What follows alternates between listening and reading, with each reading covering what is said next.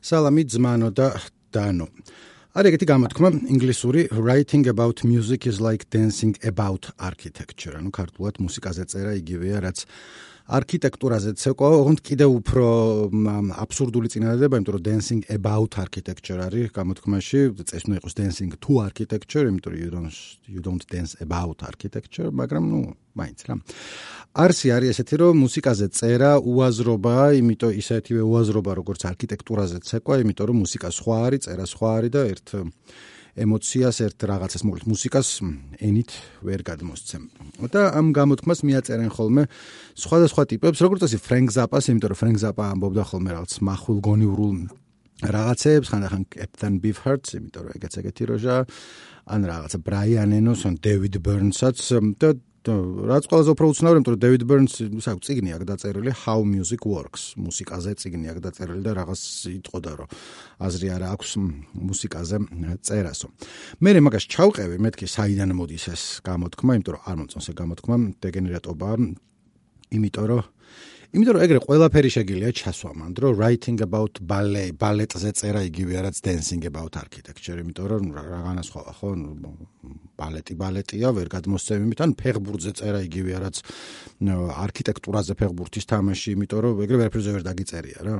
არ არის სწორი გამოთქმა და მოდის მოკლედ პოპულარული გახდა ელვის კოსტელომ ახსენა სადღაც ინტერვიუში 70-იანი წლების ბოლოს.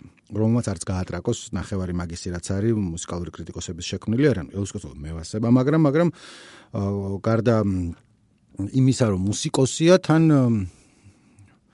თან რაღაცები უნდა იცოდე მაგის მუსიკაზე და რაზე წერს და თან თვითონაც კრიტიკოსია თანამედროვე სამყაროსი და რადიო რადიო აქ სიმღერა სადაც კომერციულ რადიოს აკრიტიკებს. მოკლედ არ არის მართალი. და თვითონ გამოთქმა კოსტელოსი არ არის მანამდე უთქვამს ვიღაცა კომიკოს. ვიღაცა კომიკოს თუ გაინტერესებთ არის მარტინ მალი წარმოდგენა არა მაქვინ არის მაგისი ფრაზა არის. მაგრამ თვითონ სენტენცია მოდის უფრო ძველი დროიდან მეოცაკვნის დასაწყისში რაც ჟურნალში ეწერა ვიღაც ტიპს რომ ესეთი ფრაზა არის strictly considered writing about music is as illogical as singing about economics ანუ მუსიკაზე წერა ისეთივე არალოგიკურია როგორც ეკონომიკაზე სიმღერაო. ანუ წინადების წყობა მსგავსია და იდეაც იგივე არის გადმოცემული. უბრალოდ დაზოლდა ეს გამოთქმა იმიტომ რომ ეკონომიკაზე სიმღერა შეგეძლია მღერის ხალხი ნახევარი კლეშის დისკოგრაფია ეგ არის მაგრამ მაგას გარდა, ანუ თვითონ ეს ის რომ მუსიკაზე ვერ დაწერ, ძალიან არასწორია, იმიტომ რომ მუსიკის ინდუსტრიის ძალიან მნიშვნელოვანი ნაწილი არის სწორედ ის ხალხი, ვინც მუსიკაზე წერს და მუსიკას აფასებს, მუსიკის კრიტიკოსები. ანუ ესე რომ თქვათ, შეიძლება რომ დავყოთ სამნაწილად ეს პონტი რა, ერთი ავტორები, ვინც ქმნიან შემქმნელები, მუსიკის შემქმნელები, მეორე შემფასებლები, ან გნებავთ დამფასებლები ან რაღაცა ხალხი, ვინც ამაზე წერს, ვინც ამას განიხილავს და ნუ აუდიტორია, ვინც ამას ისმენს. სამივე არის ერთნაირად მნიშვნელოვანი. აა მოდი, სიტყვა უკან მაგ სამივე ერთნაირად მნიშვნელოვანი. არ არის ავტორები გაცილებით უფრო მნიშვნელოვანია, მაგრამ კარგი მნიშვნელოვანია რა ეს შეფასებაც, კრიტიკის ფაზაც არის იმისთვის, რომ რაღაცა საერთოდ სცენა არსებობდეს და აა კონდეს წარმოდგენა იმაზე თუ რა ხდება, რა შეიცვალა. მოკლედ, მნიშვნელოვანია ეს მუსიკის კრიტიკა, იმიტომ რომ კონტექსტი იძლევა. და თქვათ სიტყვაზე კრიტიკულ კონსენსუსს ქმნის, რა ვიღაც ტიპები შეთანხმდა, რომ ეს მაგარია. ან პირიქით აჩვენებს, რომ რამე ალბომთან დაკავშირებით ან რაღაცა მოვლენასთან დაკავშირებით აზრები გაიყო, პოლარიზება მოხდა ვიღაცებს მაგრევასებად, ვიღაცებს არევასებად. ყოველთვის თავი დავარნებოთ, აი ჟანრის სახელები საერთოდ რო არსებობს, პანკი იქნება თუ ჰარდ როკი იქნება თუ რაღაცა, უმეტეს შემთხვევებში არის მუსიკის ჟურნალისტების შექმნილი და დარქმეული. ზოგ შემთხვევაში თვითონ მუსიკოსების ან ვიღაც ტიპების, მაგრამ პოპულარიზება და მეરે დანერგვა და რაღაცა ბაზარი არ არის მუსიკის ჟურნალისტების საქმეა. და მაგას გარდა ახლა რასაც მუსიკის კრიტიკა აკეთებს არის რომ რაღაცები წინ წამოწიონ რაც შეიძლება ისეთი პოპულარული არ იყოს ანუ იყოს მაგრამ აი მოდი მაგალითად რა რომ ბოლო დროის ერთ-ერთი ყველაზე უფრო მნიშვნელოვანი ალბომი რაც გამოსულა შარშანდელი არის თუ შარშანწინდელეთ რომ ძალიან ამერიან პანდემიის პირობებში მაგრამ მგონი შარშანდელია Fiona Apple's Fetch the Ball Cutters რომელიც თუ კიდე ერთხელ წლები არ მერევა, ანუ შარშან თავარი ალბომი იყო ყველაზე მეტ სიაში თავში მოექცა, თუ თავში არ მოექცა, იმენა ხაზგასმულად არ მოექცა, რომ არ იყო. მაგრამ რა შეიძლება ყველაზე მეტი გაიყიდა, ანუ ყველაზე არანაირად, თუნდაც ინდიან ბავში ყველაზე მეტი გაიყიდა, არა, სხვები მეტი გაიყიდა, ყველაზე მეტი მოისმინეს, არა. მაგრამ კრიტიკოსები ვინც იყვნენ, იმათ თქვეს, რომ ჩვენ მოვისმინეთ და ძალიან მაგარია და აი ამიტომ მაგარი და ამიტომაც თქვათ წლები გავა და ეს ალბომი უფრო დარჩება ყურადღებაში თვალთახედვაში უფრო სწორად ყურადღებაში. კი არა ვიდრე ბევრი სხვა დისკი ან ბევრი სხვა სიმღერა ან ალბომი თუ რა ვიცი რაც არის რომელიც უფრო მეტი გაიყიდა. ან მოდი ავიღოთ 2010-იანი წლების ყველაზე მნიშვნელოვანი ალბომი ცალსახად თუ Pimp a Butterfly Kendrick Lamar-ის რომელიც გარდა იმისა, რომ პოპულარულიც იყო, ბევრი გაიყიდა ქუჩაში უსმენდნენ, მაგრამ მეორეს აი რამაც წონა ერთიორად მოუმატა, იყო არა მარტო ის, რომ პოპულარული იყო, არამედ ის, რომ კრიტიკოსებში იყო ესე პოპულარული და ის ხალხი, ვინც ამბობს, რომ აი რაღაცა ჩვენ ვაფასებთ მუსიკას, წინ ამბობდნენ, რომ ვაი დედა ეს რა მოვისმინეთ, რა მაგარია Kendrick, what? ძალიან მაგარია. ეხლა რაღაც დროს შესავალში ვარ ჯერ კიდე, მაგრამ გეტყვით რაზე მაქვს სერია.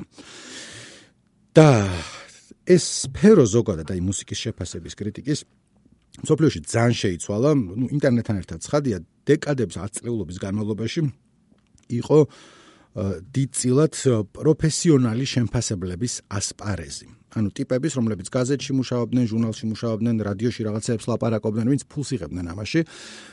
და ვინც ასევე რაღაცნაირად ტიტული ქონდათ, ანუ რაღაცნაირად გამოვიდა რომ მიენიჭათ ტიტული, რომ ესენი არიან მუსიკის კრიტიკოსები, იმიტომ რომ New York Times-ი იქნება თუ Rolling Stone-ი იქნება თუ Spin-ი იქნება თუ Village Voice-ი იქნება თუ რაც ამერიკაზე ვიცი, უფრო ვიდრე ევროპაზე, მაგრამ ნუ აზრი იგივეა რა, მოკლედ ხალხი, ვინც მუშაობს ვისაც ფულს უხდიან რომ რეცენზიები დაწეროს, შეაფასონ და შესაბამისად ვინც ერთგვარად გამოყოფილან ტიტული კიდევ ერთხელ არ მინდა თქვა, მაგრამ ვისაც ნახევრად ოფიციალურად თუ ოფიციალურად ეს ფუნქცია აქვს მინიჭებული. ხო, და ინტერნეტთან ერთად ეს ძალიან შეიცვალა, ერთი ის რომ თუ აქამდე ეს მუსიკის კრიტიკა იყო უფრო წერის საქმე, ანუ რადიოშიც იყო და ტელევიზიაშიც, მაგრამ ნუ რეალურად ჟურნალები წყვეტდნენ მაგ ყველაფერს, გინდა მსხვილი კორპორაციული ჟურნალები და გინდა რაღაცა პანკური ზაინები, რომლებიც წერა იყო მთავარი. ასევე როგორც წესი მთავარი იყო long form-ი, გძლად გძლად რო დაწერილი იყო, რაც სიღრმეში რო წასულიყავი. ხო და ეგ პონტი შეიცვალა, ანუ ინტერნეტთან ერთად გამოჩნდა ისე რომ ტვირთი მუსიკის კრიტიკის თუ ტვირთი მუსიკის კრიტიკის რა ფრაზა, მაგრამ ნუ გავატაროთ ეგ გამოკლედ გადავიდა არა მაინდა-მაინც პროფესიონალ შემფასებლებზე, არამედ ხალხზე ვინ შეიძლება ვაფშე ფულს არიღებენ ამაში, მაგრამ აზრი აქვთ და გამოთქმა უნდათ. ანუ რა შეიძლება ორი წინადადება დაწერონ, შეიძლება რა ვიცი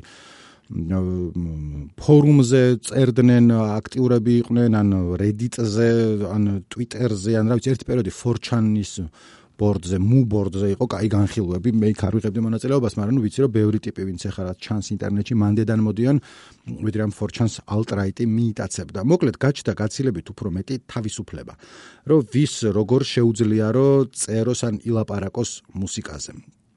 და ჩვენთან, ახლა მივდივარ ძირითად სათქმელს და რატო წერამ ყველაფერს საერთოდ ჩვენთან პირიქით მოხდა რა, ანუ პირიქით მოხდა რა, ჩვენთან ეს მუსიკის კრიტიკა მაინც და მაინც არც არასდროს არ ქონია 1-2 რაღაცა მცდელობის გარდა, ну, кай 5-6, 10, მეტი ხო არ იყო.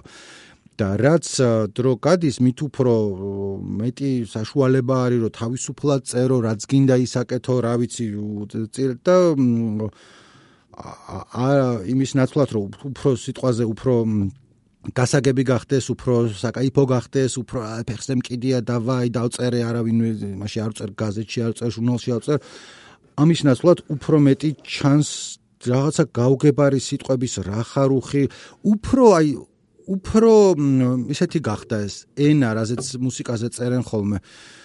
აა რა რა რა და უფრო აკადემიური არ იქნება, სწორი, უფრო გაუგებარი, უფრო ჰერმეტული, უფრო რაც თავისიანებისთვის განკუთვნილი და ნაკლებად, ანუ მარტო ეგ არ არის, ცხადია, ანუ სხვა ხალხიც არის, რომელიც ზოგი რომელიმე გამოცემაში, რა ვიცი, ცა იქნება თუ პოპ მიუზიკი იქნება თუ ტაბულა არტი მანამდე თუ რა ვიცი Facebook-ის სტატუსზე თუ რა რა ბაზარი არ არის ანუ არის ხალხი ვინც წერს ხოლმე გასაგებად და საინტერესოდ და წაიკითხავდა რაღაც ახალს გაიგებ მაგრამ იმავე გამოცემებშიც იგივე პოპ მუსიკი იქნება თუ წაიქნება თუ Facebook-ის სტატუსები იქნება ასევე არაერთი მაგალითია იმისა რომ მაგის საპირისპიროს რომ წაიკითხავ და არ გესმის რა წერია ან არ გესმის რატო წერია და ხო და წინს მეთქი ეგ რა ანუ წინს რა მე რა მარა როგორც მომხმარებელს მაგისას იმიტომ რომ მე თვითონ აა მაგას ვაკეთებ დიდი ხანია მოკლედ რატო წერა ეხა გეტყვით ეს სერია რაზეა რეალურად რომ ბლომად ფიქრობ ხოლმე მუსიკის კრიტიკაზე რა უნდა იყოს როგორ უნდა იყოს და ასევე საკუთარი გამოცდილებას ვიშველიებ ხოლმე იმიტომ რომ დიდი ხანია მე თვითონ ეს მიკეთებია დიდი ხანია ანუ სავარაუდოდ მეტი ხანი ვიდრე ზოგიერთი მანამდე ვიდრე ზოგიერთი დაიბადებოდით ანუ მე-9 კლასიდან წერს გაზეთებში რეცენზიებს კარგს მეთქი არ ვამბობ მაგრამ ნუ ხო ხტები დიდი ხანი ავაკეთებ და სულ ვფიქრობ მაგაზე რომ აი რა არის სწორი რა არ არის სწორი როგორ უნდა გააკეთო და დღევანდელი ჩემი სერიის მიზანია რამდენიმე შეავწერა მუსიკის კრიტიკასთან დაკავშირებით დღეს ვილაპარაკებ უფრო იმაზე თუ რა აზრი აქვს საერთოდ როგორია კარგი რა მოეთხოვება მუსიკის კრიტიკოს და ამოცან არის ესეთი რომ რახან რა მისმენ და ზოგი ვინც მისმენს მუსიკა აინტერესებს ზოგ შეიძლება თონის კონდეს ინტერესი რომ რაღაცა დაწეროს და არის უფრო ერთი მოწოდებასავით რომ დაწერეთ იმიტომ რომ საჭიროა აუცილებელია და ყოველასთვის კარგი იქნება იმის და მიუხედავად თუ აი რაღაცა რამდენად მართლა ექსპერტი ხარ ან არა ხარ ექსპერტი ამ სფეროში, იმიტომ რომ როგორც ეხა ჩემი აზრი არის, ვაფშე არ არის აუცილებელი რომ რამე იცოდე მუსიკაზე, ან რამეზე საერთოდ რო წერო, სხვა რაღაცეები მოგეთხოვება, გეტყვით რატომაც, გეტყაბეთ. და მეორე ის რომ ნო პრავი შეიძლება თქვენს ფიქრობთ რაღაცეებს და მეც მიფიქრე რაღაც ხნის განმავლობაში და გაუზიაროთ ერთმანეთს თქო რა. და ეხა რაც არის, აი რაც არ მომწონს, არის ის რომ ერთი მეტი იწერება ვიდრე ოდესმე, მაგრამ არის კიდევ უფრო აი ხელოვნური ენა, გაუგებარი, ბრგვილი, პომპეზური. ხო და მე არ ვიცი, იმას ვაბრალებ ხოლმე, რომ კინოს რეცენზიებს წერენ ხოლმე, ესე ხშირად და აა ანუ აი რაღაცნაირი სპეციფიკური ენით. არ ვიცი ხოლმე რა ჭირს, უფრო სწორად ვიცი მაგაზე მიფიქრა და ეხლა არ ვილაპარაკებ მაგაზე, მე ცალკე მაქვს ჩამოწერილი ჩემი პრეტენზიები, რომელიც შეეხება თვითონ ენას, რომ რაღაცა ნებითი გვარი ზედმეტ გამოყენებას ძალიან ჩახლართვას წინადადების. აი რამდენჯერ ყოფილა კინოს ვეშვებ ხა ისე მუსიკაზე გადმოდივარ რომ და კიდევ ერთხელ ყველა ეგრე არ წერს ანუ არ არის ჩემი ამოცანა რომ რაღაცა ვიღაცას ვიღაცას მივაჯო არ არც ვახცენებ სახელებს მაინდა-მაინც იმიტომ რომ ზოგი კარგად წერს ზოგი ცუდად მაგრამ მე მონიცით რაზეც არის ლაპარაკი.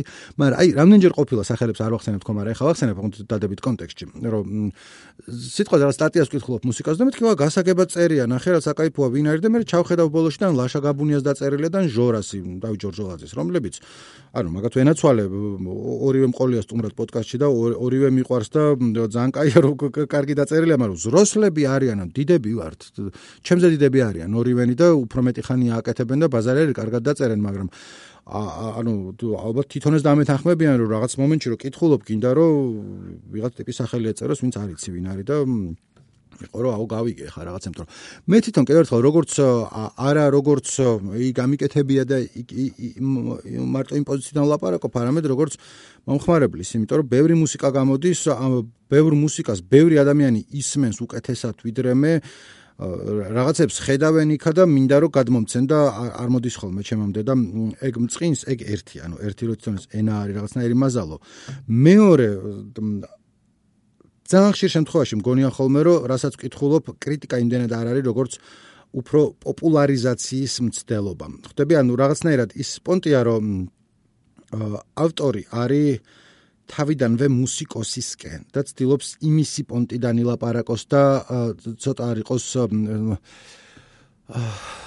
რა ქვია მაგას ყალბი რეალობა რო არის სიმულაციას გავს სადაც აი სხვანაირად ჩქებს მუსიკალური ცხოვრება. იცი რას გულისხმობ? პროექტ თქვა სტატია იწება, რომ აი კიდევ ერთხელ გაგვახარა ჟელიბონ ალექსანდრმა თავისი ახალი რელიზით, რომელიც კითხულობდა ვინ არის ჟელიბონ ალექსანდრა, უნდა ვიცოდე, ვინ ჩემი ფეხებიას კი არა, ვაფშე არ ვიცი ვინ არის და გზა და გზა ირკვევა, რომ იქნება მე ჩამოურჩი და ყველა მიცის ჟელიბონ ალექსანდრის შესახებ და დედას. თუ იცოდეს ანუ მე აღმოჩნდება რომ ხიდზე დაუკრას ამი წლის წინ სხვა სახელით და ეხა მორიგი მესამე რელიზია სადაც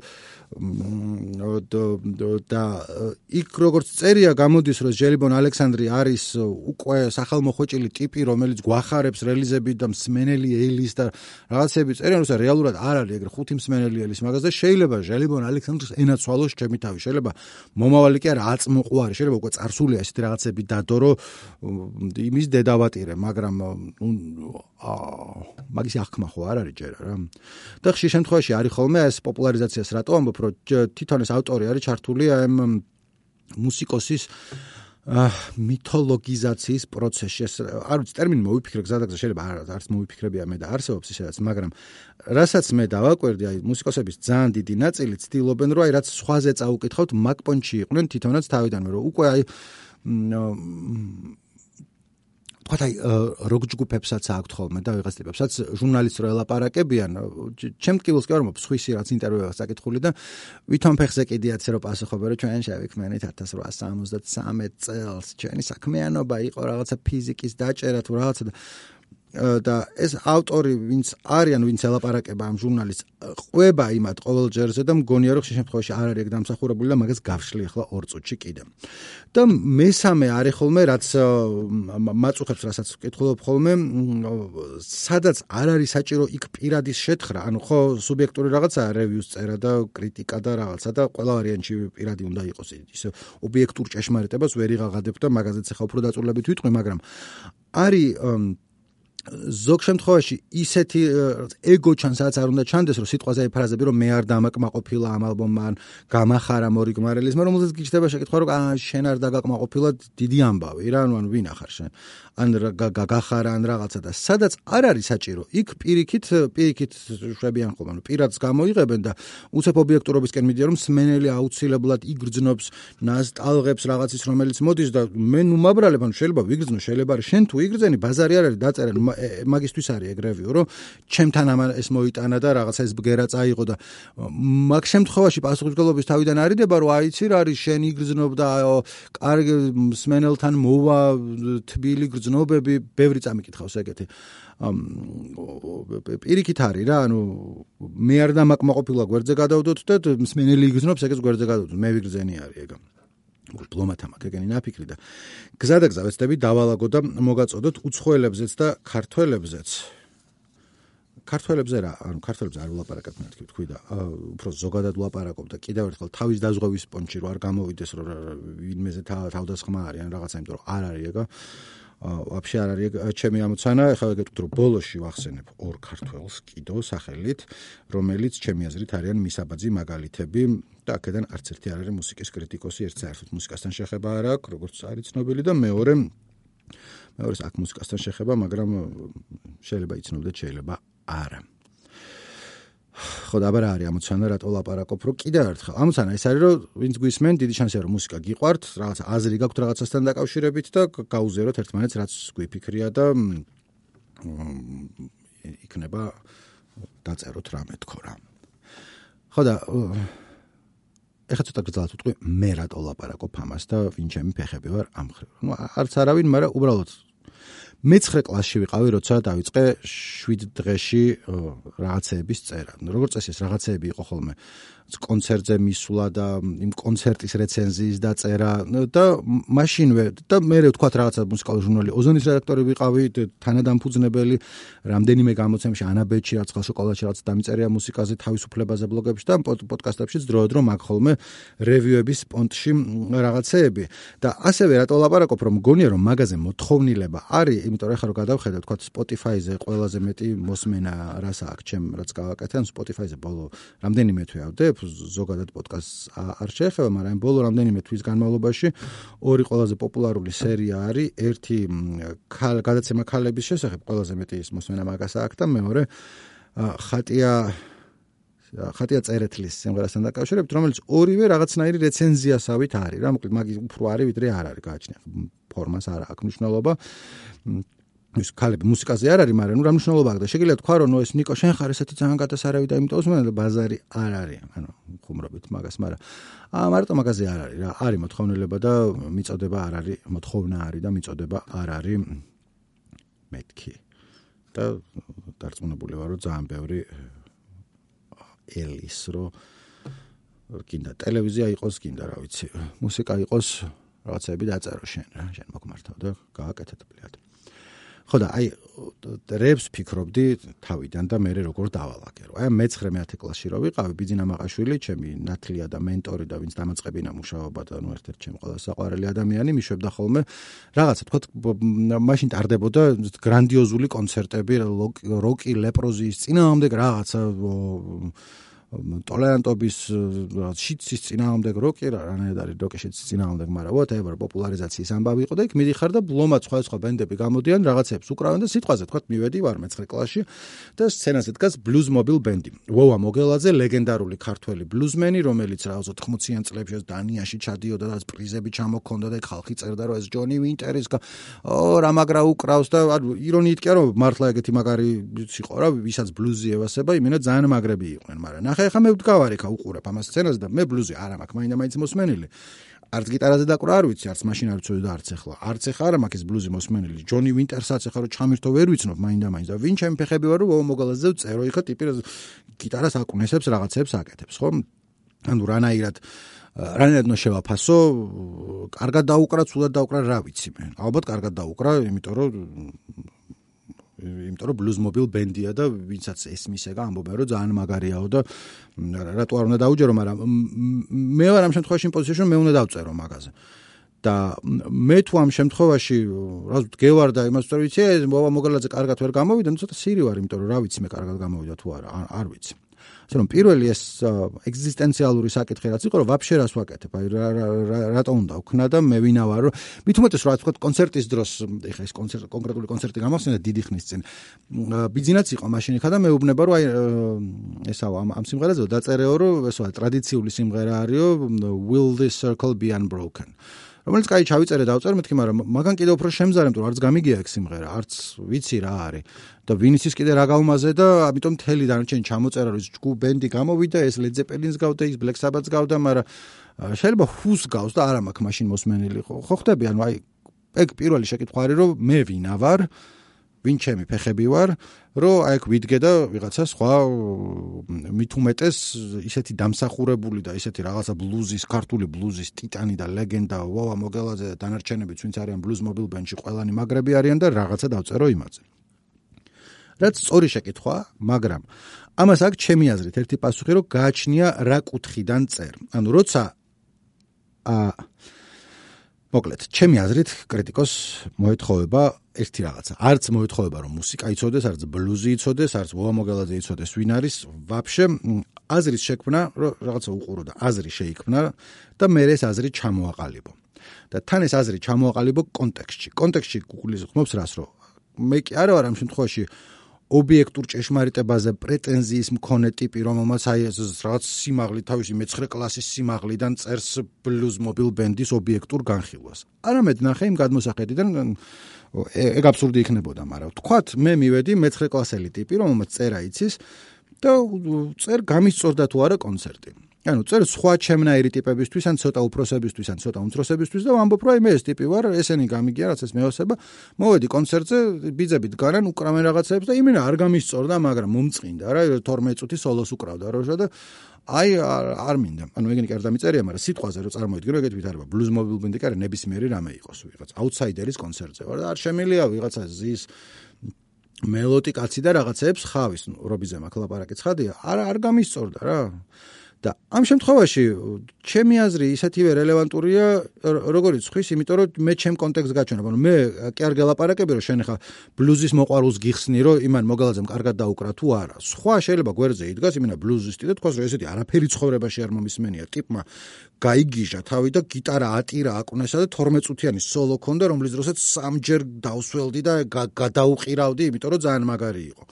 იმიტომ რომ მაგისტვის ძალიან მაგარი იყო, იმიტომ რომ ბლუზმენია და იმენა დაინახა რაღაცა დეტალები, იქ თლას უსმენდა და აუ ჯაზში გადაძახილი და მე გავარიქ 15 წლის და მე სხვა 15 წლისებისთვის ვწერო, არა ძმაო, მოერიდეთ ამას რა, არ არის ეს საჩვენო. ვისაც უსწორდება, ისინი მივიდნენ. ხო? ანუ არის აქ ორი სხვადასხვა გაჩნია რა კუთხიდან წერ და რამდენად გულწრფელი ხარ იმაში რაშიც წერ.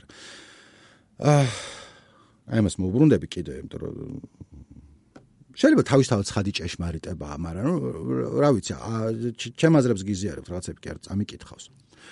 და იგივე თქვა აუთსაიდერზე რაც თქვი, აუთსაიდერი ჩემი საყვარელი ჯგუფია, ქართული, ალბათ პირველ ადგილზე ან შეიძლება ტოპ 3-ში არის ხოლმე და ხან პირველზე, ხან მეორეზე და ხან გააჩნია რა და როგორ, მაგრამ ვიღაცა სხვა უნდა თქვას რომ მე იცი რა მივიტანა არ მოიტანა ჩემთან რა ესეც არის რელევანტური თუ ჩამოყალიბებული აქვს ვინ არის თვითონ რა კონტექსტში მივიდა და რატო არ მოიტანა იმიტომ რომ რატო არის მთავარი შეკითხვა, რომელსაც მე უნდა გასცე პასუხი. ასეთ ხუმრობა იყო ადრე რეძე წავიკითხე და მე სახში ვღადავთ ხოლმე მასტერშეფს რო უყურებთ. მე ჩემი შვილი რომ ეგეთი მასტერშეფი უნდა წარმოიდგინო, რომ ჟიურის ნაცვლად არიან ვიღაცა ჩვეულებრივი ტიპები. ანუ არა ჟიური, არა შეფ კონსტანტინიან შეფ ლუკან ვიღაცები, არამედ ვიღაცა რა კუჩდან აყვანილი ტიპი, რომელიც სინჯავს საჭმოს და ამას რა ეს ნული ქულა. იცი მე არ მეასება, რატო ნული ქულა? ამას კვერცხია, კვერცხი არ მიყვარს. ანუ აი რაღაცნაირი საჭმელი იყო, არ გამისწორდა, ნული. ანუ აუ ეს გემრიელია, ო, კაი საჭმელია, всё. ხო, არ არის საკმარისი, ანუ კარგია მოგეწონა, არ მოგეწონა ბაზარი არ არის. ეგ არის ჩვეულებრივი რაღაც შეჭამე საჭმელი მოგეწონა, ანუ მუსმინე მუსიკას მოგეწონა, მაგრამ თუ მე რაღაცა უნდა დაწერო ამაზე ან აზრი გამოთქვა, იმიტომ რომ შეიძლება არ წერდე და ლაპარაკობდე ან რაღაცა ვიდეოს წერდე ამასთან დაკავშირებით და რატომ მომენტი თუ არ მოიყვანა, ისე აზრი არ აქვს მუსიკის კრიტიკა არც არის. და ეს რატომ მომენტი გვაკლია ხოლმე, რასაც ვკითხულობ ხოლმე იქაც რა ქართულებში.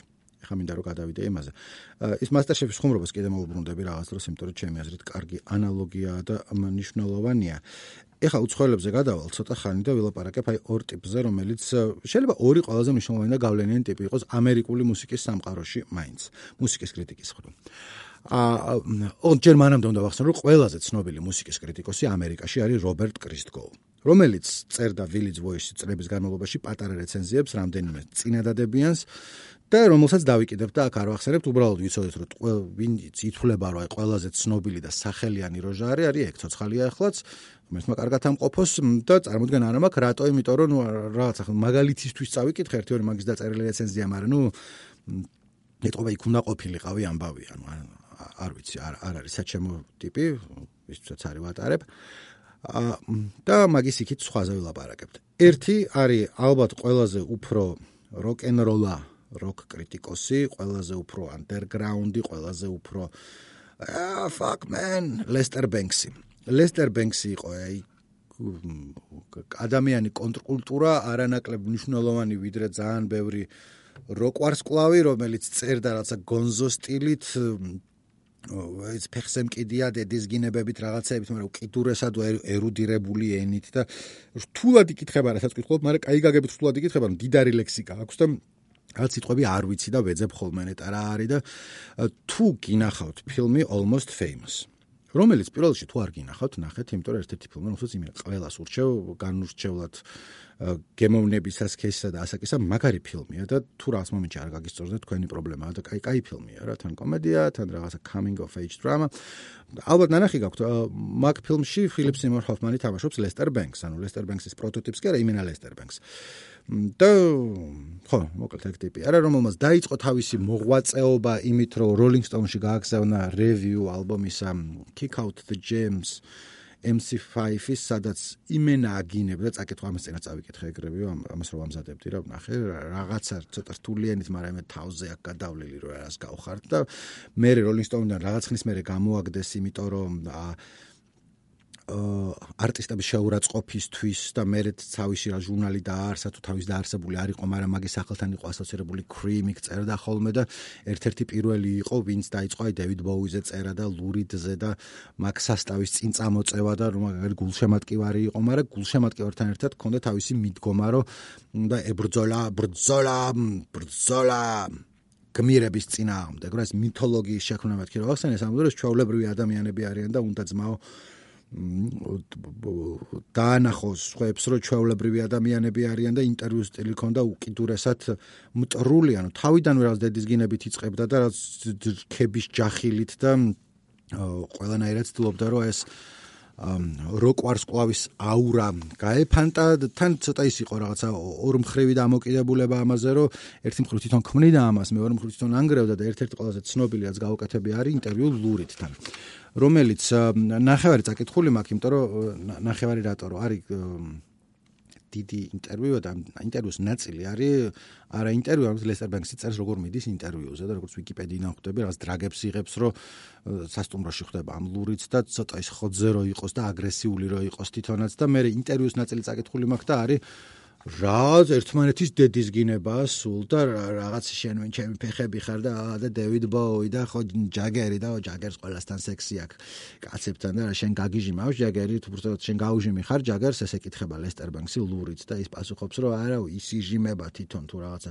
He is the one who's getting fucked მაგრამ შენ გაგიჯიმავს და არა თავის თავი გაუშვიმოს რაღაცებს ყვებიან თან ჩხუბობენ გზადაგზა ნუ ეს შეფარული თუ ნაკლებად შეფარული ჰომოფობიის ბოდიში 70-იან წლებია ძველი დრო და მაშინ ეგრე იწერებოდა ხოლმე მაგრამ იმენა ჯახი არის ორი ადამიანის ბოლოს ეუბნება სათვალე მოიხსენი ბიჭო ბიჭოს არა მაგრამ ის ლურიც ეუბნება და ის იხსნის სათვალეს და ეს ორი თვალი რომელიც რაღაცნაირად აღწერს რა მხატვრულად საკაიფოთ და აა ცოტა ეს დამძაბავია რომ კითხულობ კრინჯი კი არის ისე რომ რატო ჩხუბობთ ანუ რა გინდა ლურიდისგან და ნუ მე ხვდები თვითონ შიგნით როგორი ის არის ორმხრივი დუიჟენია რომ ერთი მხრივ თვითონ ეს ლესტერ ბენქსი არის ერთ-ერთი ვინც ლურიდის პირველი გულშემატკივარი იყო და მაგაზე წერდა და მაგრევასებოდა და მეორე მხრივა თავის ვალად მიიჩნევდა რომ დატაკებოდა ამ ტიპებს ლურიდსაც და სხვებსაც და ეჩვენებინა რომ შენ გმირი კი არა ხარ ანუ რაღაცის კი არა ხარ ლურიდი ან ბოუი კი არა ხარ ხა ვინც არის ბოური რა განსაკუთრებით ციკლების შემდეგ კაცი ლეგენდა რა სხვა გაწასული არამედ ადამიანი და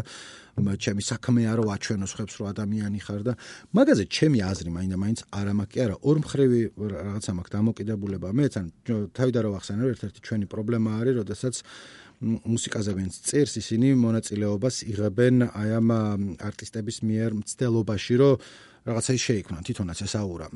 რომელიც აუცილებელია ანუ რა იქნებოდა მუსიკის სამყარო ბოუი რო ბოუი არ იყოს და პრინცი პრინცი არ იყოს და ეს რაღაცნაირი ქარიზმა რომელიც ჩანს თავიანთი შექმნილი არ გადმოდიოდეს იქიდან. მაგრამ ჩემი აზრი არის რომ ანუ კარგია რომ ეგ არის, მაგრამ შენი საქმე არ არის როგორც მუსიკის კრიტიკოსის მაგაში ანუ არ უნდა აყვე.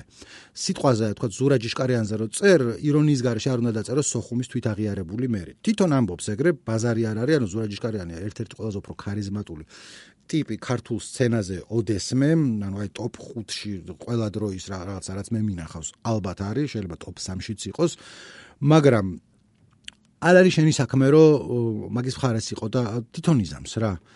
ან თუ საჭიროა ეგ მითოლოგია და საჭიროა ვინც იმსახურებს შეიქმნის ამ ქარიზმას და იმისი პიარ აგენტი არ ახარ რომ უჯდე და თვითონ რასაც ამბობს თავის თავზე გაიმეორო კრიტიკის და იმის garaშე არა აქ მნიშვნელობა არ ვიცი ზურა იქნება თუ მაქსი იქნება თუ მაქსის мама იქნება თუ ეკო და რამდენიმე ტიპი ანუ იქმნიან თვითონ იმის garaშე შენი დახმარების garaშეც და შენი დახმარება მსხვერპლში არ ეხმარება პირიქით ხელს უშლის იმიტომ რომ აი კიდევ ერთხელ რამდენი ინტერვიუ მინახავს? ვიღაცა 20 წლის 19 წლის ტიპებთან უხოს როკ ბენდი აქვს და ისე ლაპარაკობენ ვითომ სულ სიგზე კიდიათ რომ არა აა ჩვენ დავიწყეთ და რაღაცა ქალები ცოტა ბიტლზები რომ მას ლაპარაკ ბიტლზები რომ თქვი ხო კაი ამა ნუ ბიტლზი რომ პრეს კონფერენციაზე გადაობდნენ ხოლმე მაგაურით მაგრამ აა მოკლედ რა მაგას დამსახურება უნდა და თვითონ უნდა გააკეთონ ეგენი ჩემი აზრით. ანუ აა ლესტერ ბენქსისკენ რო აუცილებლად ხებით უნდა დაეტაკო სიტყვა საქართველოსში ვინც არიან ეკო იქნება თუ ზურა და შენ ადამიანი ხარ და დაბრუნდი, მაგრამ მეორე მხრივ არც ის არ ახარ იმათი პიარ აგენტი რო რაღაცა აურა შენ შეუქმნა და გაიმეორო იმათი ნარატივი. და ხო ბაზარი არის დამსახურება უნდა მაგ აურას და მაგ ქარიზმას და ვისაც ქარიზმა და აურა აქვს ლურიდი იქნება ბოუ იქნება თუ დილა იქნება ზურასე მცხადე ერდონეზე არ არიან მაგრამ ნუ არის რა მოდის ქარიზმა ტიპს ეთყობა რომ იქმნის გარშემო რაღაცა აურა აქვს და შენს გარეშე იზამენ. ეგ გადაუხვე არ მქონდა ესე ნაფიქრი კარგად და შეიძლება მე შევიცვალო აზრი და არა რა შეიძლება პრინციპში ეგ არის ჩამოყალიბებული არ მქონდა მეთქი მაინდა მაინც. კარგად ლესტერ ბანკსი დავკარგეთ. სამაგერად ცოცხალია ფანტანო ენტონი ფანტანო ალბათ არის ყველაზე გავლენიანი მუსიკის კრიტიკოსი დღეს. განსხვავებით იმისგან ლესტერ ბანკსისგან და კრის გაუსგან თუ რაგვარია ეს მეორე კაცი არც ჟურნალში უმუშავია არც არსად არის იუტუბერი და ყველაზე გავლენიანი, იმიტომ რომ ყავს, რა ვიცი, მილიონობით გამომწერი 3 მილიონი თუ რაღაცა 10-ობით მილიონი ადამიანი უყურებს მაგის რივიუებს და ტიპი არის ну განსხვავებით სხვებისგან ანუ ესეც ცოტა long form-ისკენ არის, ანუ ვიდეოებს წერს რამდენიმე არხი აქვს. გეცოდინებათ ვის წერალ პარკი, მაგრამ ვინც არის ის იმას უხსნი რა.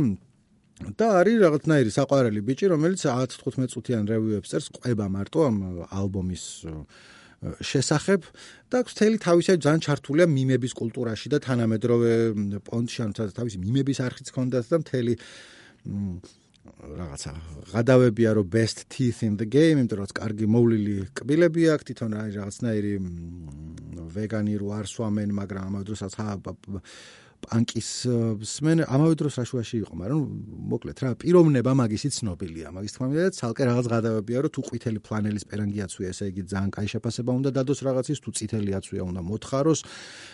ნესვი არის მეცახელად, რომ დიდი თავი აქვს და ნესვივით თავი აქვს და მთელი რაღაცა ისინი არა მაგის გარშემო აა ერთ-ერთი ყველაზე ცნობილი რევიუ რაც გაუკეთებია არის My Beautiful Dark Twisted Fantasy Kanye West-ის ჩემი აზრით შედევრი და საუკუნის ერთ-ერთი საუკეთესო ტოპ 10-ში ყველა ვარიანტში შედის ალბომი.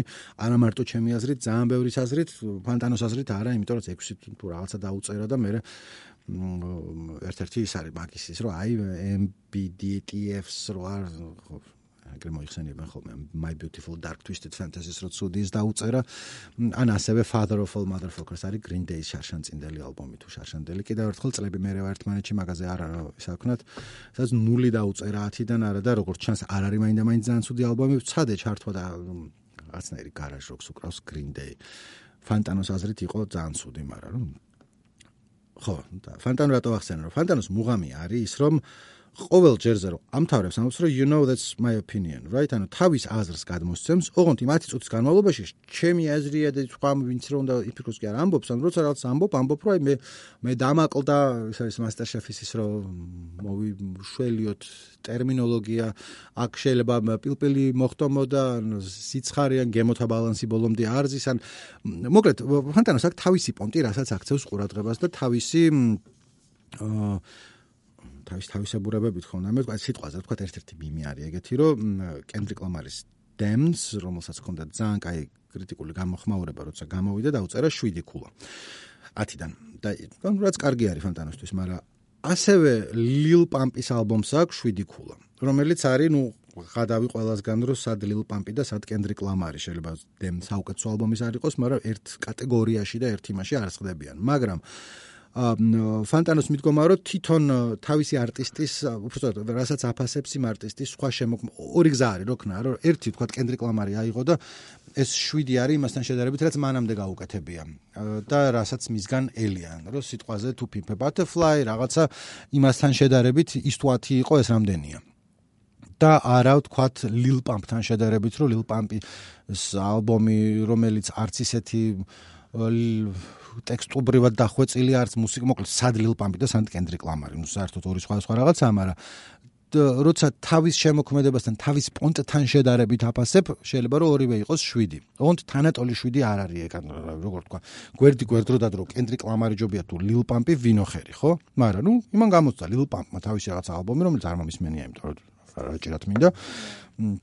რომელიც ფანტანომ ჩათვალა რომ იმასთან შედარებით რაც სხვა ლილ პამპობა არის 7 ქულა არის აა სად სად ვიყავი ხა საიდან გადმოვედი?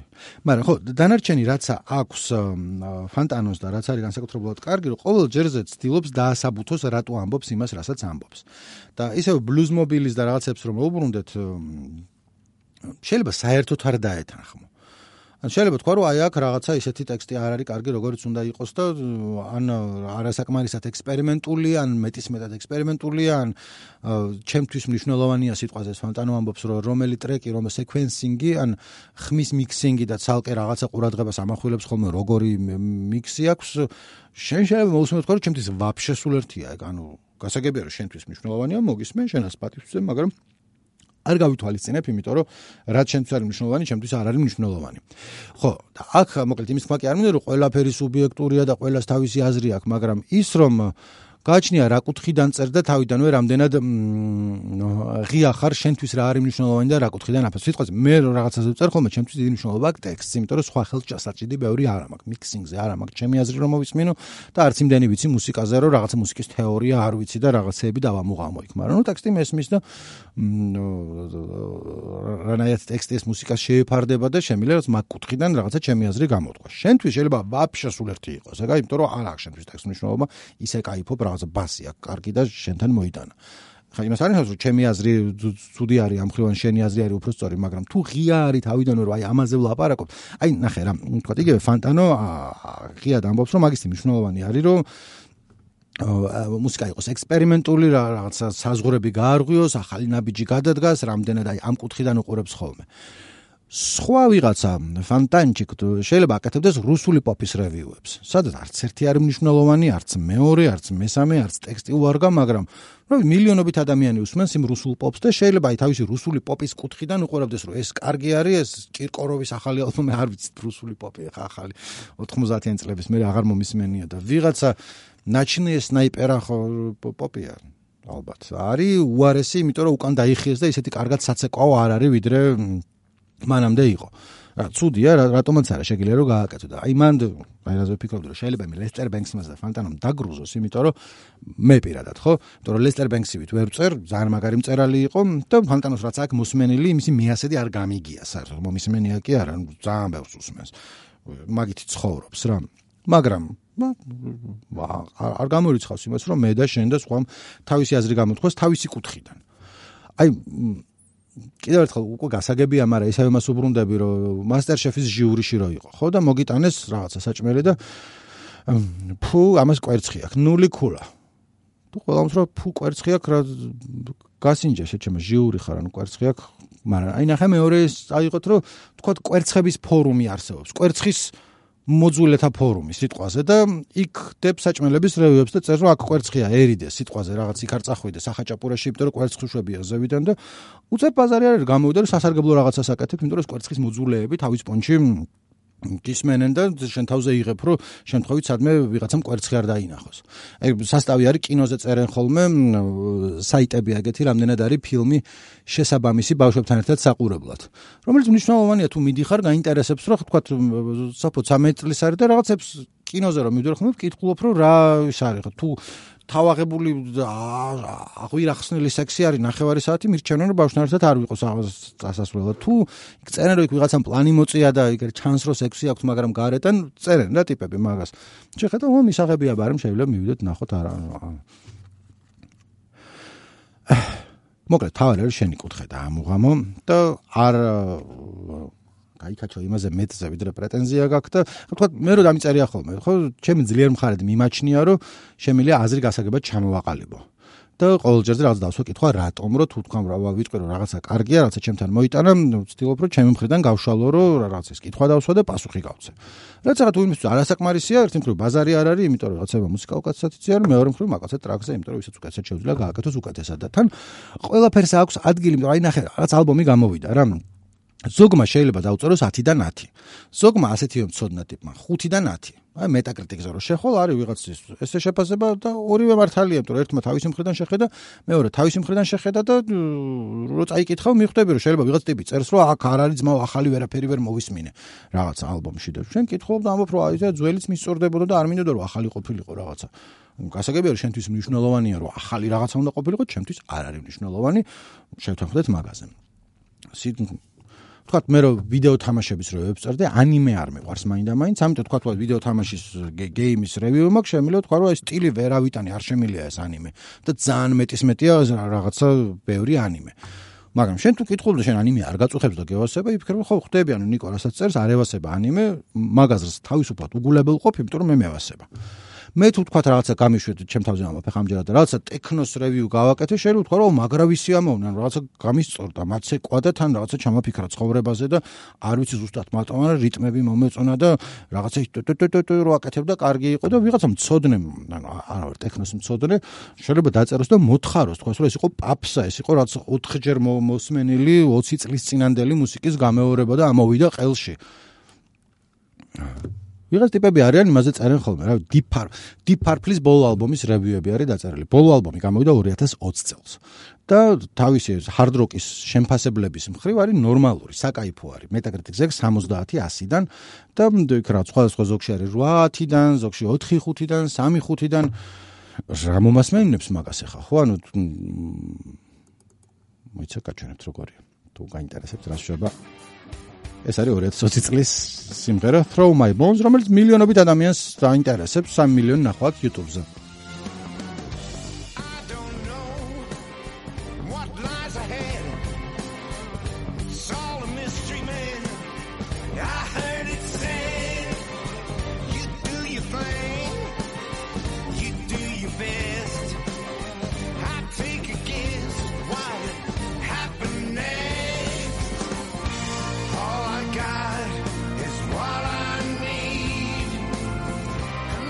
ეს უბრალოდ ისე წერა როცა ახსენებ რომ Deep Purple-მა ახალი ალბომი გამოსცაო რაღაც ხრი უნდა მოასმენინო ადამიანს რომ რა იყო შიგნით.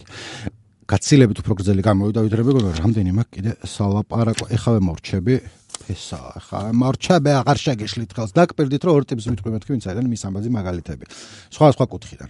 ერთი კრიტიკის პონჩი მისამბაძი მაგალითი ჩემთვის არის შეფ ლუკა მასტერ შეფის ჟიური რომელიც ვიცი რატო ჩემი ეს არის ყველაზე კარგი ჟიური ყველაზე კარგად საინტერესო დაყალიბებს ხოლმე სათქმელს თავის საქმე აშკარად იცის, მაგრამ ამავე დროს შეიძლება არ იყოს ყველაზე მაგარი შეფი. ეხლა ყველაზე მაგარი სპორტი არ არის და ვინ გაასწრებს და ვინ გამოასწრებს, მით უმეტეს რომ არც მაგის გაკეთებული მიჭაბი არ ცხების, მაგრამ ზოგადად მსმენია, რომ შეფ ლევანი არის ყველაზე დაფასებული და უფრო ტიტულოვანი შეფი.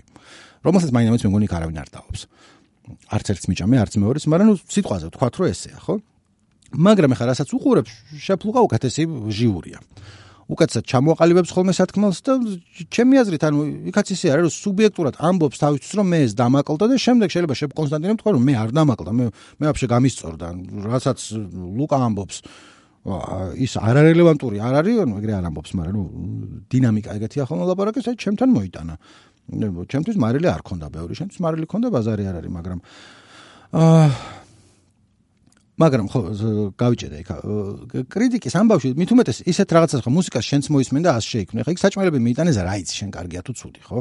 რა ხა შეფლუკა საჭმელიც უმეტესობას არ გიჭამიათ არც დანარჩენი ორი ჟიურის და არც მეორე გადაცემის ჟიურების. მაგრამ რო ამბობს რაღაცას ავტორიტეტულად ამბობს სუბიექტურად ამბობს თავისი მხრიდან არ იწებს რო რაღაცა შეიქმნის აზრს ჩამოაყალიბებს სათქმელს და მე მგონი ჩემ დანარჩენ კრიტერიუმებს აკმაყოფილებს იმ ხრივ რომ ჩანს რომ მაგისი პოზიცია არის ჩანს რომ რაღაცა ბაგაჟი აქვს იმ ხრივ რომ რაღაცა ბაგაჟი კერ ვაკნინებ მაგრამ ნუ იცის თავისი საქმე და მაგ მხრიდან ლაპარაკობს და მუსიკის შემთხვევაშიც ანუ კიდევ ერთხელ არ არის აუცილებელი ყველა შეფლუკას კიდევ ერთხელ გაჩინა რა კუთხიდან შეხედავ. შეიძლება თქვა რომ მე ვარ აი ამ hard rock-ის მოყვარული ადამიანი, რომელიც hard rock-ის კუთხით აფასებს და ეგენი ვიცი. ან შეიძლება იყოს რომ მე ვარ ახალგაზრდა ფართი მოყვარული ტიპი, რომელიც აი მხრივ უყურებ მუსიკას, რომ ეს მე მაგულავებს თუ არ მაგულავებს და დანარჩენი სიღრმეები რომ რაღაცა ფაქტურა როგორი აქვს არ არ ვიცი ეგენი, მაგრამ კიდია კიდევაც მაგულავა, არ მაგულავა. და შენ ყავს შენი მკითხველი მე ვინც მაგას უყურებს რომ იგულაოს ჩაჭერა არის კაი ჩაჭერა თუ არ არის ჩაჭერა? თუ დიჯეებზე მივედი ისე რა რომელიც თქო შეფასება მიჭირს ხოლმე არ ვიცი ხო მაგდანი ელექტრონული მუსიკის მაგრამ ხო ხედავ ხალხი არის ვინც მიდის საგულაოს და მაგათთვის თავარია რომ ჩაჭიროს დიჯეიმ რომ როცა ემი გახსნის კარგად გახსნას და აიყოს და სხვები არიან თვითონ დიჯეების დიდი ნაწილი რომელიც ამბობენ რომ მარტო ჩაჭერისთვის ხო არა მარტო ჩაჭერისთვის ხო არ გჭირდებით დანარჩენის კაი რაღაცები გავაკეთეთ და დავიფასეთ და იმას კიდე თავისი დამფასებელი ეყოლება. Anyway მაგ ხრივ შეფულყარი კარგი მაგალითი, რომელსაც შეხედავ და იტყვი, რომ აი ეგეთი უნდა იყოს შემფასებელი, თავისთავში დარწმუნებული, სუბიექტური საინტერესოდ აყალიბებდეს აზრს და რაც თავარი ეს აზრი კონდეს. და არ იყოს ის რომ ამას ყველია გამომეწონა. ეს რა არის? ქათამია შიგნით? ქათამი თუ აცუდია ესე იგი. ცეზარის салаტი გააკეთე, ცეზარის салаტი ტრაქში გაიკეთე, იმიტომ რომ ეს ცუდია თავისი არსით. მაგას ხო არ ამბობს. ანუ მაგის ნაცვლად აყალიბებს სათქმელს თქვა თქვა.